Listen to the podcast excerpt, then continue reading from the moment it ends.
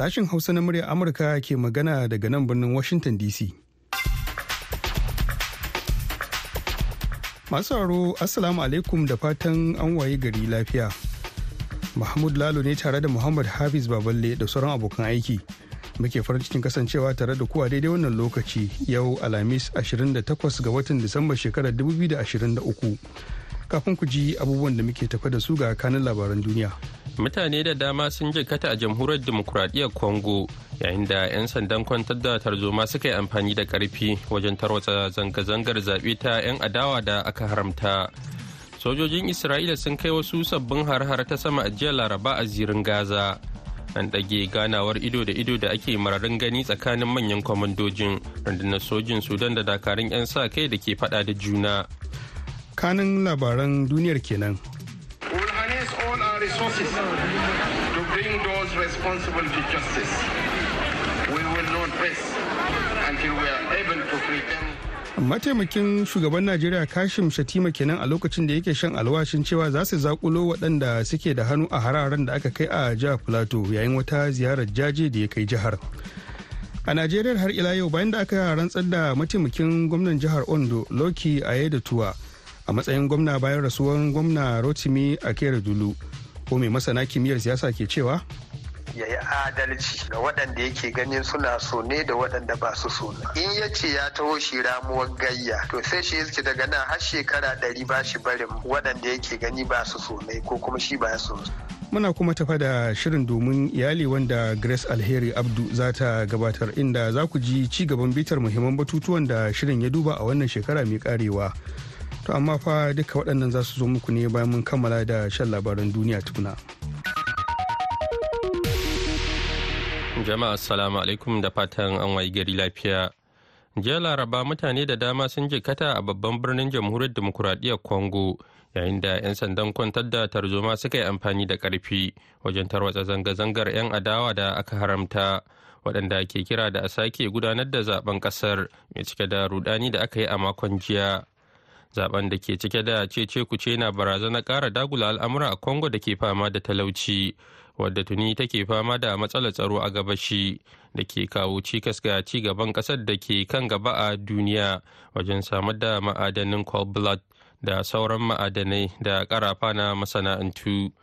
'Yan sanda sun kewaye hedkwatar martin fayulu ɗaya daga cikin mutane biyar masu kalubalantar shugaba felix tshisekedi da suka buƙaci magoya bayan su da su yi zanga-zanga a kinshasa a ranar laraba da nuna adawa da zaɓen shugaban ƙasa da 'yan majalisar dokokin ƙasar wanda, wanda suka ce an tafka magudi kuma ya kamata a soke shi. Sai dai gwamnatin shishkedi ta yi watsi da ikirarin. Shishkedi bai lashe zaɓen ba nasararsa magudi ne in ji wani mai zanga-zangar wanda ya bayyana sunansa a matsayin jan perry. Sojojin isra'ila sun kai wasu sabbin hare-hare ta sama a jiya laraba a zirin gaza kwana guda bayan kalaman da jami'an isra'ila suka yi game da faɗaɗa yaƙin ta ƙasa da ya haifar da damuwa a majalisar dokokin a majalisar ɗinkin duniya game da tsaron fararen hula. Faɗan na jiya laraba ya haɗa da kai hare-hare ta sama da ƙasa da isra'ila ta kai a birnin gaza wanda ke ɓangaren arewacin zirin gaza inda da farko isra'ila ta mayar da hankali kan yaƙin da take yi na kawar da ƙungiyar mayaƙan hamas daga doron ƙasa.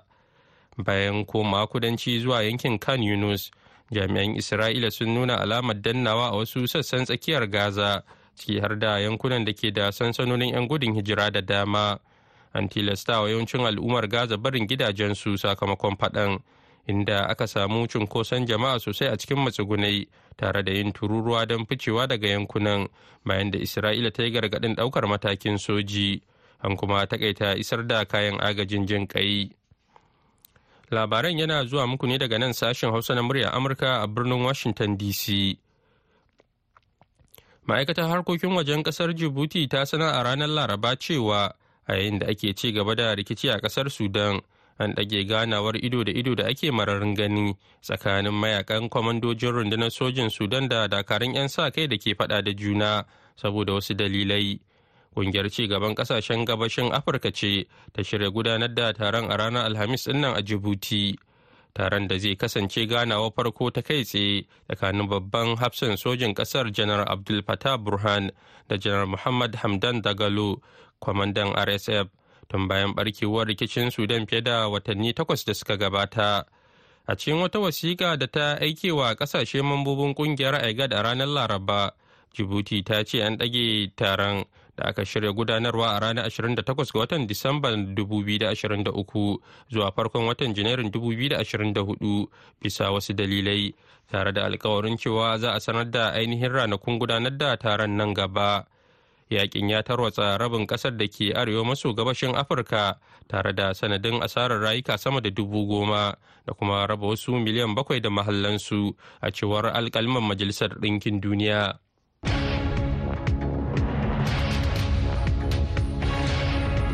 nan gaba kaɗan hafiz zai kawo mana ƙarashin labaran duniyar amma kafin nan bari mu duba wannan rahoto gwamnatin tarayya a najeriya ta sha alwashin zakulo waɗanda suka halaka rayukan mutum fiye da ɗari a jihar plateau da ke arewa maso tsakiyar ƙasar. Mataimakin shugaban ƙasa kashim shatima ya bayyana haka a wata ziyarar jaje da ya kai a ƙaramar hukumar bakwas da aka kai hare-haren. Daga jos ga zainab babaji da ƙarin bayani. Irin yanayi na tausayi kenan da dubban 'yan gudun hijira suke ciki a lokacin da suka tarbi mataimakin shugaban ƙasar. Mataimakin shugaban ƙasar Kashim Shattima wanda ya bayyana takaicinsa kan kisan mutane fiye da ɗari da lalata dukiyoyi na miliyoyin naira ya ce gwamnati za ta yi duk mai yiwuwa don taimakawa waɗanda ibtila'in ya shafa.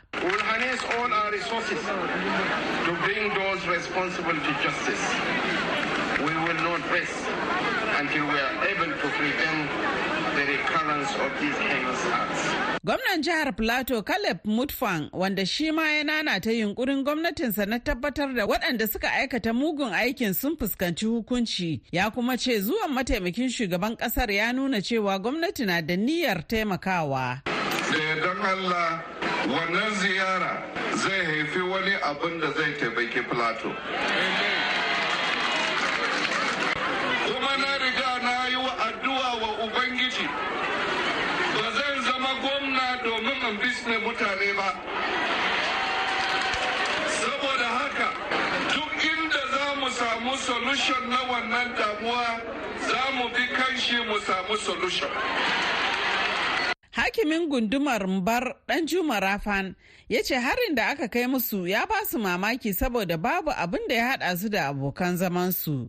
Na fari da zan gode ma shi mataimakin shugaban kasa wato shi shecima da kansa har suka yi tunani suka zo su mana jaje irin wannan. Bayan haka kuma shi ma gwamnan mu ya taka rawa sosai ya fito a jaridu da yawa yana maganganu cewa irin wannan zaman da muke bai da kyau ba zai taimake mu ba. Kuma shi ma local government chairman namu shi ya kan kokarinsa gaskiya na tausaya mishi. Domin shi ma a garinsa ma kawai abin da aka kashe ina jin mutane sun fi sittin da wani abu. Ni a gari na kusan talatin talatin wanda suka mutu. Da wanda suka ji jituwa. A wani guri sha uku a wani guri bakwai a wani guri huɗu. Kuma wannan abin da ake yi a lokaci ɗaya ake yi. To ya masu tsaro za su iya wani gefe za su je su tare wani gefe ne kuma ba za su tare ba. Kuma wannan kauyukan ba kusan ba hanyoyi masu kyau wanda za a ce eh kamar kwalta ba ne. Kuma ba san iyakan irin wannan mutanen da suka zo ba ka ce ka tinkare su da me za ka tinkare su? Da sanda? Kamar wani irin taimako kuke buƙata? Kamar su abinci su bargo su gadaje su abin wanka da su sabulu da sauran abin da dai kawai wanda za su iya ci kuma wanda aka kore su aka konar da gidajensu a taimaka musu ko da su zin da katakai wanda za su sake gyara su koma gidajensu. kara tsaro. Shi kuma shugaban ƙungiyar Fulani ta gan Allah a karamar hukumar Bakos Sale Yusuf Adam ya ce su ma a ɓangaren su an sace musu dabbobi an kuma kashe musu mutane. Rikicin nan da ya fara watan Afrilu a Mangu ana shigo yankunan Bakos ana shanu a kashe makiyaya. Jami'an tsaro suna iya ƙoƙarin su suna roko a bi doka. Mu kuma muna bin doka muna bin abin nan. Shi na ce akwai ma wanda suke hannun hukumomi wanda aka kama calolin da suka hada baki aka tura shanu kan fulani aka yanka yaro. Abin ya baskara sun ci gaba da aikata abu har ya kure matasan. Ko ga ba matashi ya kuri ba zai ji ba kuma. To dalilin da ya dasa wannan abu kuma gwamna bai taba kiran mitin na zaman lafiya tsakanin makiyaya da manoma a bokos da mangu tun watan huɗu har yau. Babban korafin mu rage daɗe wanda zan gabatar ma shugaban kasa shine muna so a sa kwamiti mai ƙarfi wanda zai duba wannan matsalan. Menene tushen faruwarsa domin a gane maganinsa? In an kafa wannan kwamiti mai ƙarfi zai bincika kuma mu za mu nuna shaidan gidajen da aka kukkone mana. Ga su nan gidaje sun fi ɗari banda abubuwan da suka yi ta faru kwamitin nan za ta bi diddigin maganar za a gane tushen gaskiya. Tun farko dai shugaban karamar hukumar Bokos Monde Kasa ya ba da adadin mutane 148 ne aka kashe a ƙauyuka 25. Gidaje 1,290 aka ƙona ƙurmus. Maharan sun kuma ƙona motoci 81, babura 187, injinan ban ruwa 267, yayin da mutane 88 da suka samu munanan raunuka suna kwance a asibiti ana musu jinya. Zainab Babaji, muryar Amurka daga Jos a Najeriya. yanzu kuma ga ƙarashin labaran duniya.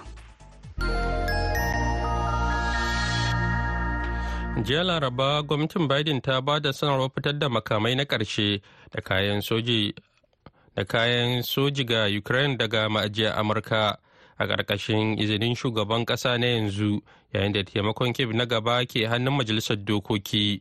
A cikin wata sanarwa da ya fita sakataren harkokin wajen amurka anthony blinken ya ce kunshin kayan tallafin na dala miliyan 250 ya hada da harsasan kare sararin samaniya da karin harsasan himas da kuma harsasan manyan bindigogin artillery. Blinken ya ce taimakonmu yana da matuƙar muhimmanci don tallafawa abokananmu na ukraine yayin da suke kare kansu da 'yancinsu daga cin zarafi na rasha. Ya kuma kara da cewa an samar da makamai da kayan aiki a ƙarƙashin wani umarni na baya da aka bayar ga ukraine. Kakakin kwamitin tsaron ƙasa na amurka john karɓi ya faɗa a makon da ya gabata cewa shugaba joe biden na shirin ƙara wani kunshin tallafin soja guda ɗaya a cikin watan disamban nan amma kuma duk wani taimako bayan wannan zai buƙaci amincewar majalisa inda babu tabbas game da cimma matsaya.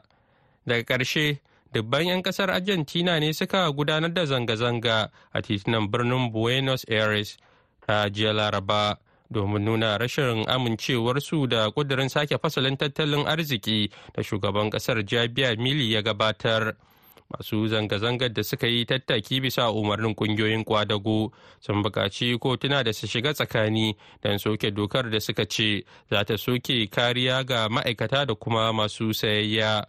Majalisar dokokin ƙasar za ta yi wani zama na musamman a wannan makon bisa buƙatar mili na mai sassaucin ra'ayi da ya kama aiki tun ranar goma ga watan disamba don tattaunawa a kan shirin dokar za ta canza ko soke dokoki tattalin arziki fiye da 350 a cikin ƙasar da ta saba tsoma baki a gwamnati. A gaida Muhammad Hafiz Baballe da ya karanto mana labaran duniya daga nan sashen Hausa na murya Amurka a birnin Washington DC.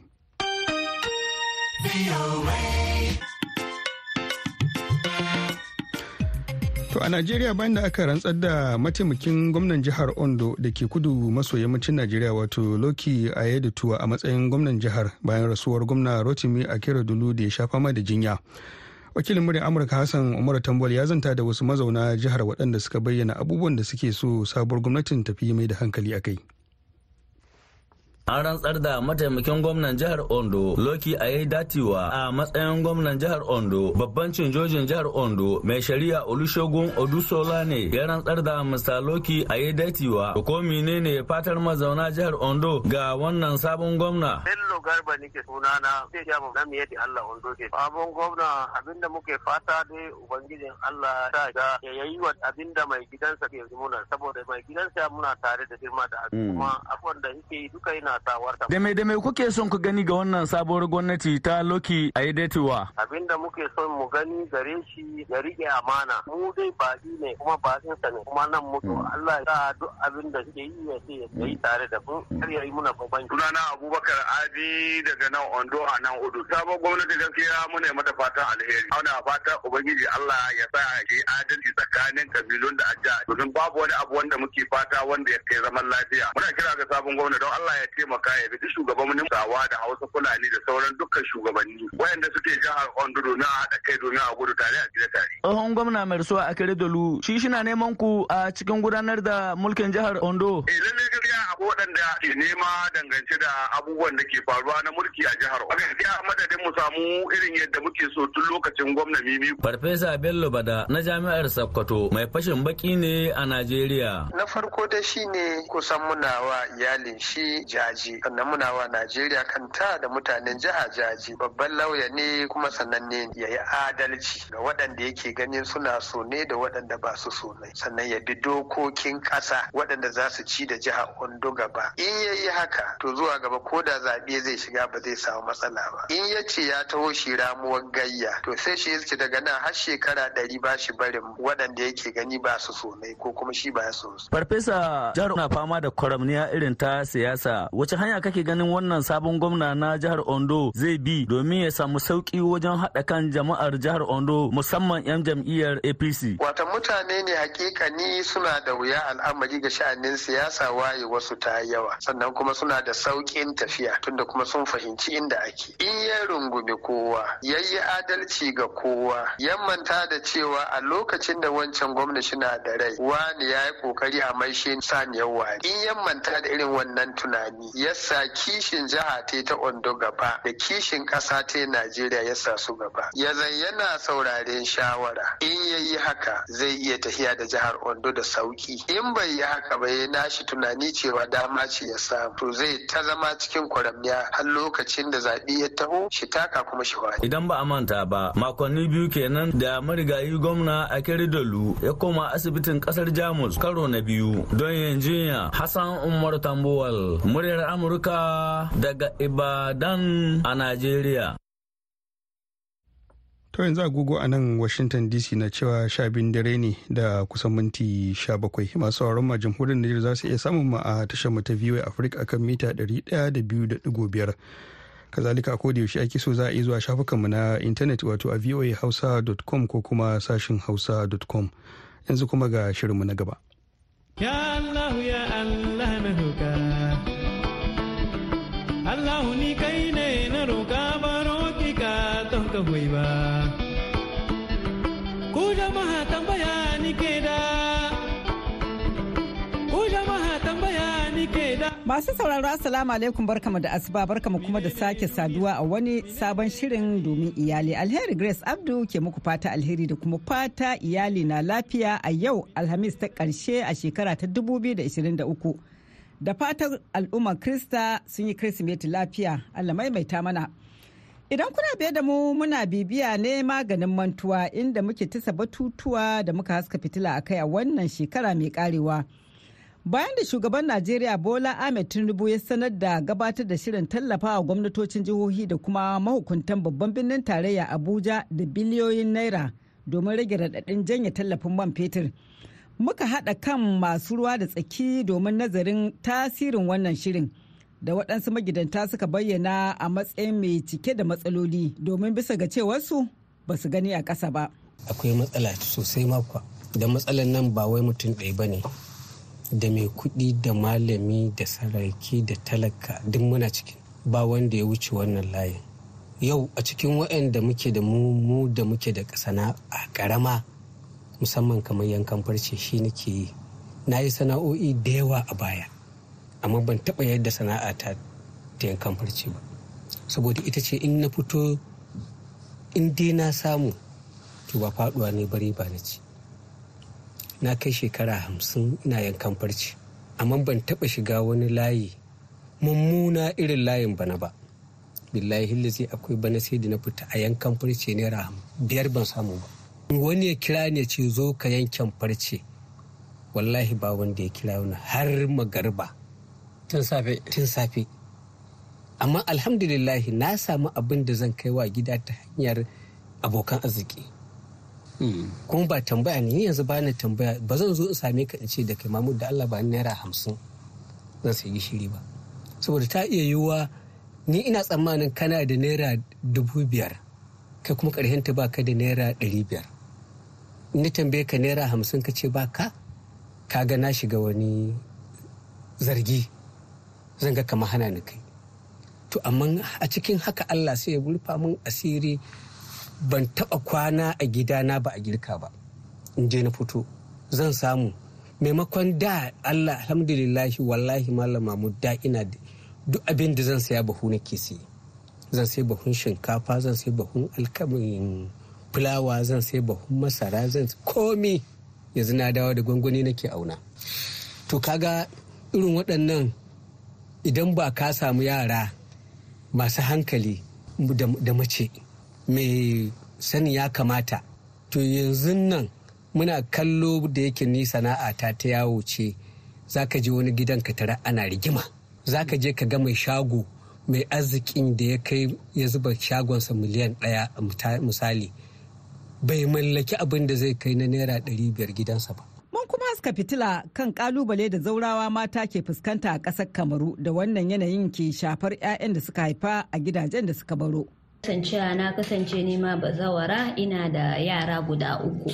A gaskiya kafin wato akwai wani da ya zo mini har ya kai ga shi kan ma furta mini ya ce mini ya yi shi kan zai iya ɗaukan nauyi na da yara na ba. Idan har zan mayar da wannan waɗannan yara gurin wato mahaifinsu shi ya amince zai aure ni.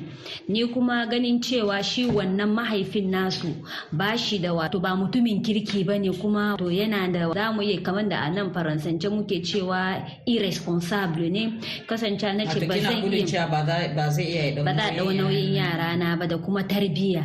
Shine ni kuma na ce zan rungumi abina duk abin da zai faru duk namijin da yake so na sai dai ya so ni tare da 'ya'yana to a hakan ya kai ga wannan mijin na shi wannan bazawarin shi ma ya janye kafa kasancewa na ki amincewa da bukatan da ya ce in mayar da yara wurin wato mahaifinsu. A gaskiya akwai muna samun cikas sosai fiye da yadda kuke tsammani. Domin wasu ma mazajen ɗin da suke zuwa zaka ga sai su ce maka gwaji suka zo yi. Wani zai ce maka shi. kamar yaya? Eh gwaji za a ce maka an zo wato an san bazawara cewa ita ainihin ta ta fito ta riga ta san rayuwar aure zaman wato kwanciyar aure. To kin ga wannan yana tare da wato manyan matsaloli man da mu zaurawa. muke fuskanta. A gaskiya ba abin da ya fi aure. Idan ka ga cewa bazawara tana waje akwai abubuwan da take fuskanta da dama. Ko a 'yan matancinka ba ka fuskantar irin waɗannan matsalolin. Kasancewa suna gani yanzu ai ka fito kin riga kin goge.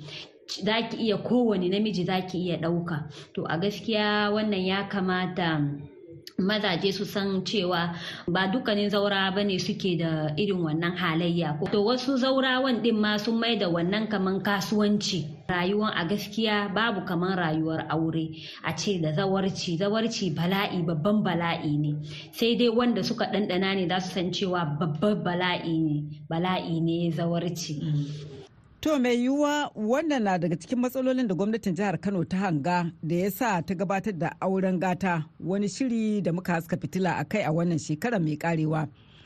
Wani batu kuma da shirin domin iyali ya daɗe yana haska fitila a kai shine 'yancin mata da har a kwanan gobe ake samun ra'ayoyi masu karo da juna a kai duk kuwa da cewa masana sun nuna fahimta inda aka nufa.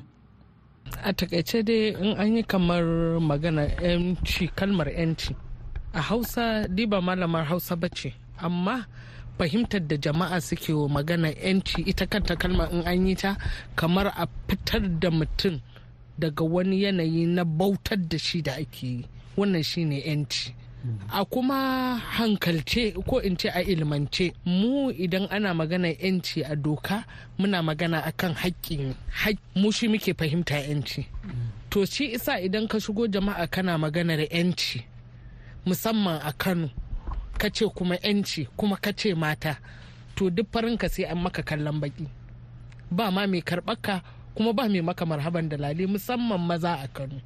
Saboda duk inda ka faɗi mace ka ce yanci to su ka sorry to say maza suna tsoron kalmar yancin mata ba sa santa saboda dalilai wanda in muka zo tattaunawa zai zo ya biyo baya. Shi isa komin kyan abu in ka taho da shi. Komin ribarsa komin amfanuwarsa kai mutuƙa komin dacewarsa da musulunci. In har ka dora masa kalmar yanci a kano ma ba za a karɓe shi ba. Kuma ka alakanta da mata. Kuma ka alakanta wannan yancin ga mata to a kano ba mai maka karɓa arziki. Saboda fahimtar da aka yi mata da ta sha bamban da fahimtar ta a ilmanci amma a ilinci abin da ake nufi ai mu in a doka ana maganar right shine dai kalmar da turanci ko? A hausa a fassara ta yanci. Mu muna magana ne akan haƙƙi. Haƙƙin mutum. Amma idan ka zo ko kanan ka zo a hausance ka ce kana magana haƙƙi akan haƙƙin mata za a saurare ka har a taya kama amma kana amfani da waccan kalmar ka kashe zancen. Malawa abdulsalam a mahanga ta addinin musulunci ya abin yake ne? A ilmance idan aka ce yanci ana nufin tabbatarwa da mutum dukkan wani abu da shari'a ta zana ta ce nasa ne. Wanda ya dace da zuciyarsa da kwakwalwarsa da kuma rayuwarsa gaba ɗaya shi ne ake kiransa haƙƙi wanda yana da ɗan bambanci da wajibi. Domin shi wajibi idan ba a sauke shi ba mafi yawa allah ne yake kama wanda bai sauke shi ba. Shi kuma haƙƙi mai shi yana da damar da zai iya yin ƙara ya nema.